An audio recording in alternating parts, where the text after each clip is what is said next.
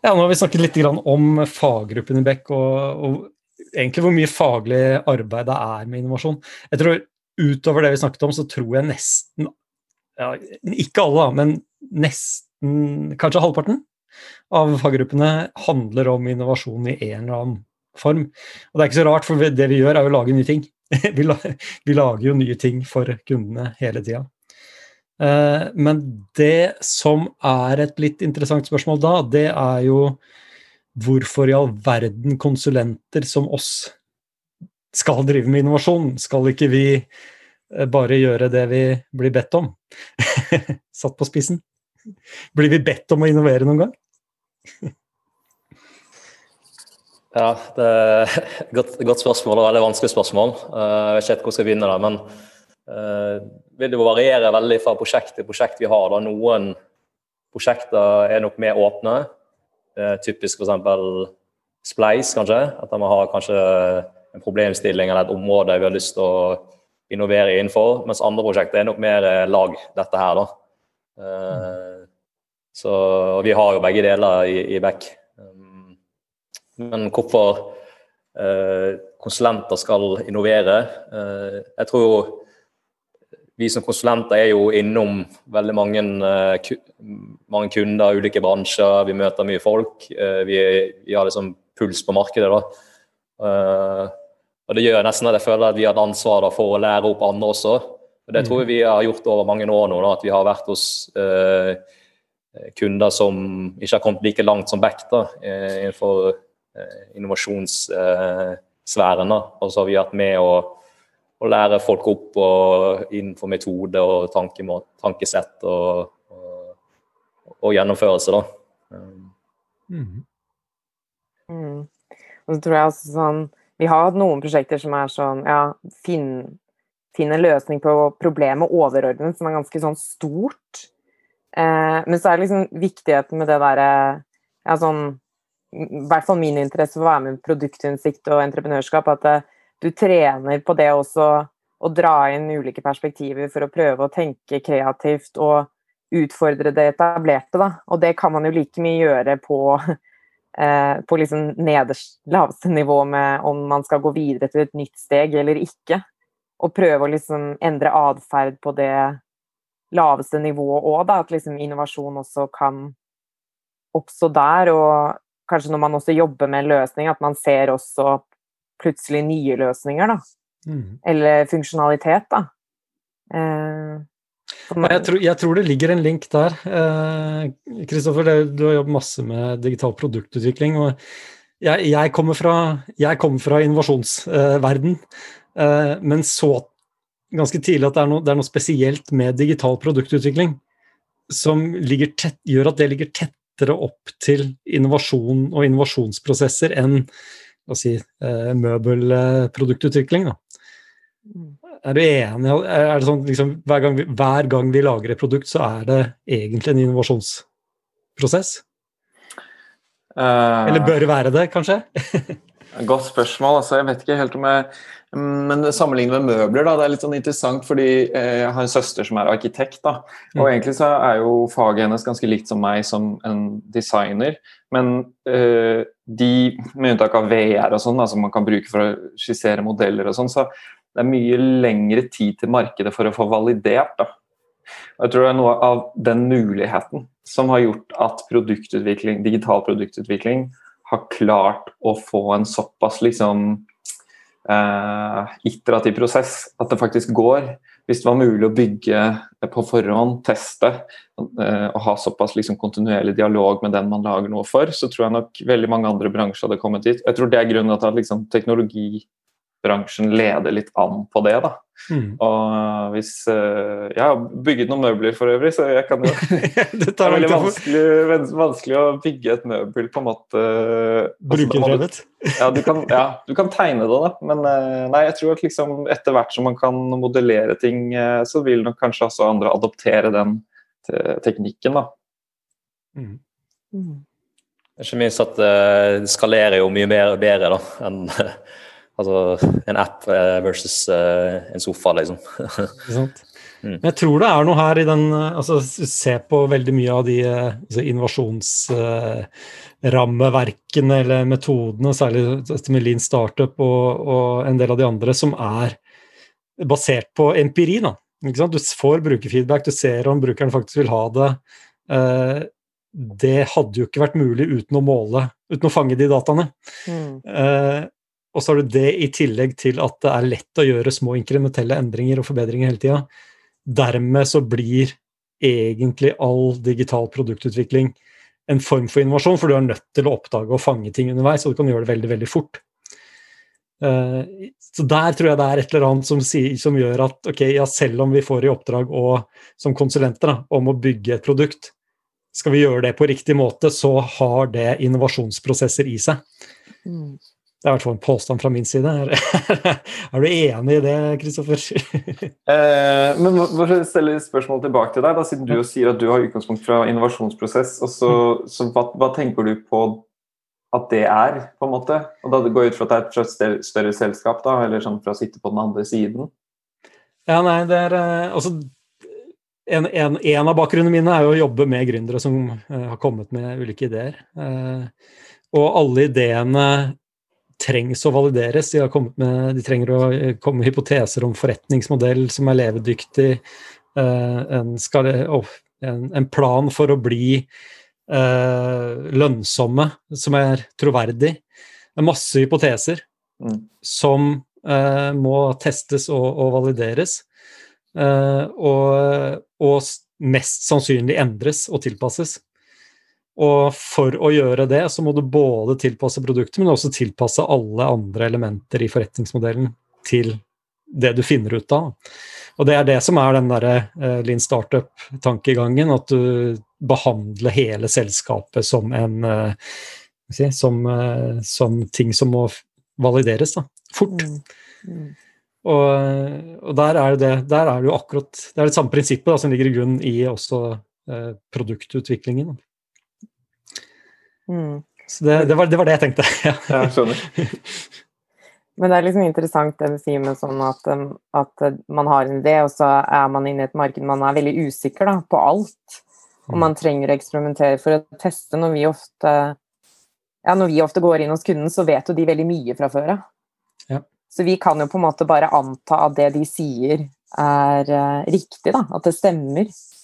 Mm. Uh, så på en måte ved å ha litt sånn innovasjonsfaggrupper og bli litt pusha på å tenke nytt, da, så kan mm. man bli bedre på å utfordre det etablerte og ikke bare Ja, stille spørsmålene. Eh, ja, og ikke bare bygge Ja. Bare spille litt videre på det. da, at, altså, Hvorfor skal konsulenter drive, inn, altså, drive innovasjon? Uh, sånn som jeg ser det, er jo uh, altså Vi er prosesseksperter på mange måter. Vi har gjort det mange ganger før. Uh, og vi har vært gjennom kanskje mange av uh, fælene som kan fort gå i. da. Uh, så, det tenker jeg kan liksom være en god grunn til hvorfor vi skal drive med innovasjon. At vi har gjort det før. liksom. Mm. en annen ting er å tenke altså hvorfor, hvorfor blir vi ansatt i et selskap? Jo, fordi de har ikke, altså, kunden har enten ikke kompetanse eller tid til å gjøre det. Og da måtte ved å leie inn noen eksterne, så har man plutselig ekstra tid da, til å drive eh, innovasjonsprosesser da, som ikke alltid kanskje blir prioritert i, i, eh, en hektisk hverdag, da, rett og slett. Mm. Der er det også en fordel med at uh, altså en etablert virksomhet har som regel uh, Innovasjon står i opposisjon til den daglige driften i virksomheten. Så, så, det kan være en fordel å sette det som skal være helt nytt, på utsiden. For da én ting er at du får nye briller, men du får også frigjort eh, eh, si, alle kapasitet. de gode, ja, kapasitet og alle de gode grunnene til, ikke, til å gjøre det på en ny måte. Mm.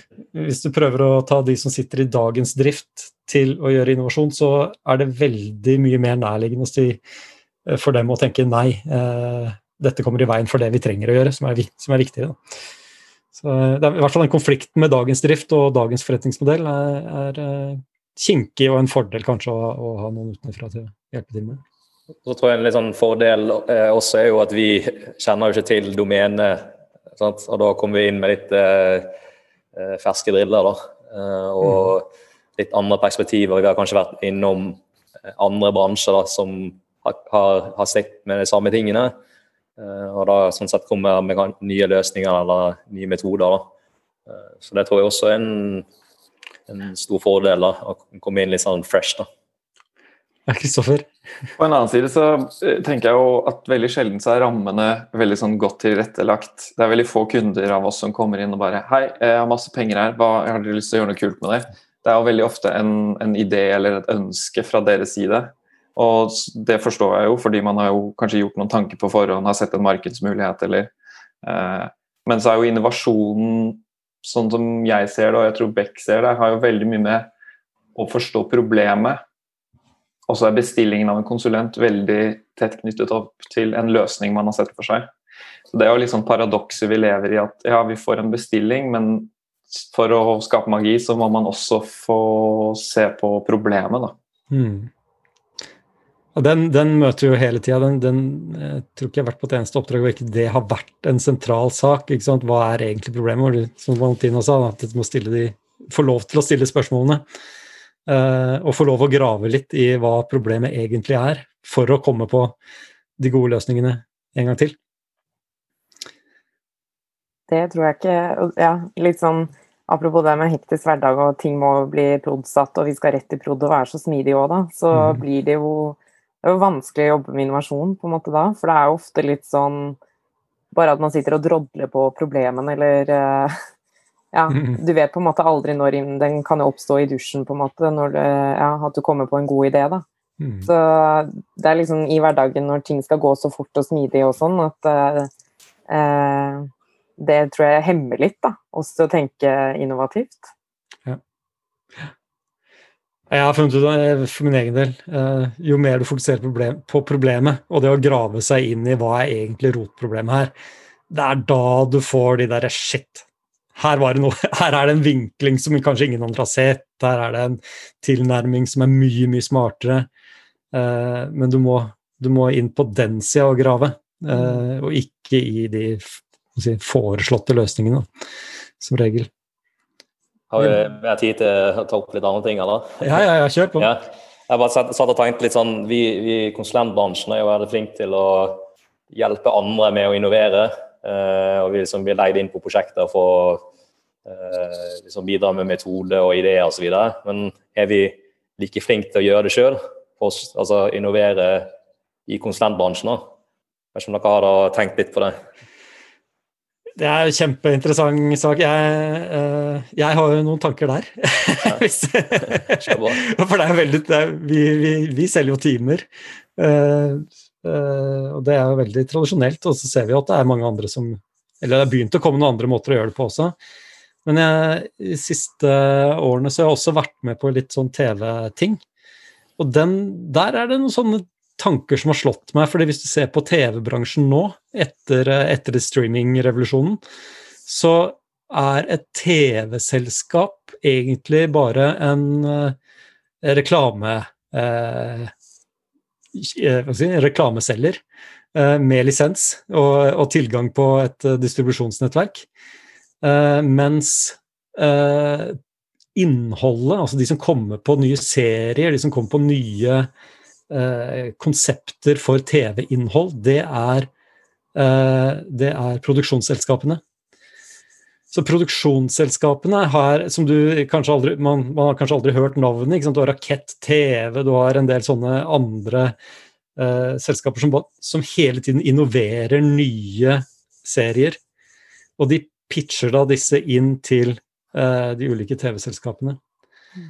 Og de gjør, jo, de gjør, jo, markedsundersøkelser, testing av eh, prototyper Eh, de lager disse pilotepisodene og ser hvordan responsen er, ser hvor godt det treffer de ulike segmentene. Og så finner de et TV-selskap som har profil som stemmer med det kundesegmentet. Så her kommer min ville påstand. Det er at uh, vi kan se til og med IT-konsulenter, altså Beck, kanskje kanskje ikke Beck, men kanskje en annen uh, andre, uh, begynner å produsere innhold og selger det til selskap som har som konsept. Da til et selskap hvor dette innholdet treffer. Tror du om det, Kristoffer? Ja. Jeg skulle til å si det. at det høres jo, altså det med produsentselskaper og, og, distributører høres jo egentlig veldig likt ut som på en måte den ultimate innovasjonsmodellen, i hvert fall som jeg ser det for store selskaper. Å, lage en portefølje av, av, satellitter, som vi har snakket om før, Jens Andreas. Mm. Eh, det er jo litt det samme. Kanskje bare at initiativet som du sier, kommer fra produksjonsselskapet istedenfor moderskipet som delegerer oppgaver Eh, mm. egentlig. Ja. ja, altså En annen ting jeg tenker på som er sånn interessant man, hvis man jobber med innovasjon og er konsulent, er at ofte når man ser på gründerselskaper, så er det jo gründeren selv som har virkelig kjent på et problem, eller virkelig kartlagt at her er det et stort behov, mm. og på en måte har så eierskap til den ideen at uh, den får jo bare ideen og gjennomslaget, da. Uh, fordi den brenner så mye for det. Og uh, hvordan er det når det er liksom et konsulentselskap som kartlegger behovet og får virkelig eierskap til problemet, men så er det egentlig et, altså, så er det et annet selskap da, som skal eie det og selge det? Ja, det er vrient, det, men det er, et, eh, det er, også interessant i forhold til konsulent. konsulenter som innoverer på vegne av andre. Det er også en Det er noe uforløst da, med Eh, eller uløst med mm. insentivstrukturen. Og det gjelder også entreprenørskap også, eller intraprenørskap. At uh, du har en ildsjel i et stort selskap som får en idé og løper med den, og så er det allikevel en sjef som egentlig bare var imot og gjorde alt for å stoppe deg underveis, som til slutt tar æren for hele skiten. Så Ikke det at vi har det så ille, men, men det er noe med insentivstrukturen her. Man, eh, man, det, etablerte virksomheter har en utfordring med å holde på de gode hodene, som har mye mer å hente på å gå ut med ideen sin. Uh, og, og sånn sett, Det slipper man jo også med å leie inn konsulenter. det er litt sånn interessant også. Da. Så vi ser jo at en del av våre konsulenter da, uh, slutter i vekk og begynner i andre startups, eller starter sine egne startups. Mm. Uh, og sånn Senest kanskje litt sånn Spacemaker som et eksempel, da, eh, der det var, har vært noen, en del backere. For eksempel. så det er åpenbart liksom, kult, altså, kompetanse og kultur og engasjement for å gjøre det. Så har det vært bare det er kanskje en helt annen diskusjon om hvordan uh, man kunne utnyttet liksom, den kapasiteten bedre i konsulenthus. Da. For det er jo åpenbart veldig mange uh, flinke og ambisiøse folk da, som har lyst til å skape noe. Da. Det tror jeg òg. Spacemaker er en herregud for en kul historie. Mm. Det er bra. det er to milliarder blir verdsatt til nå. Ikke verst, det. Det var en ting til jeg tenkte på om, om dette her. hva var det, Emma? Det vet kanskje ikke dere, for dere var ikke inni hodet mitt.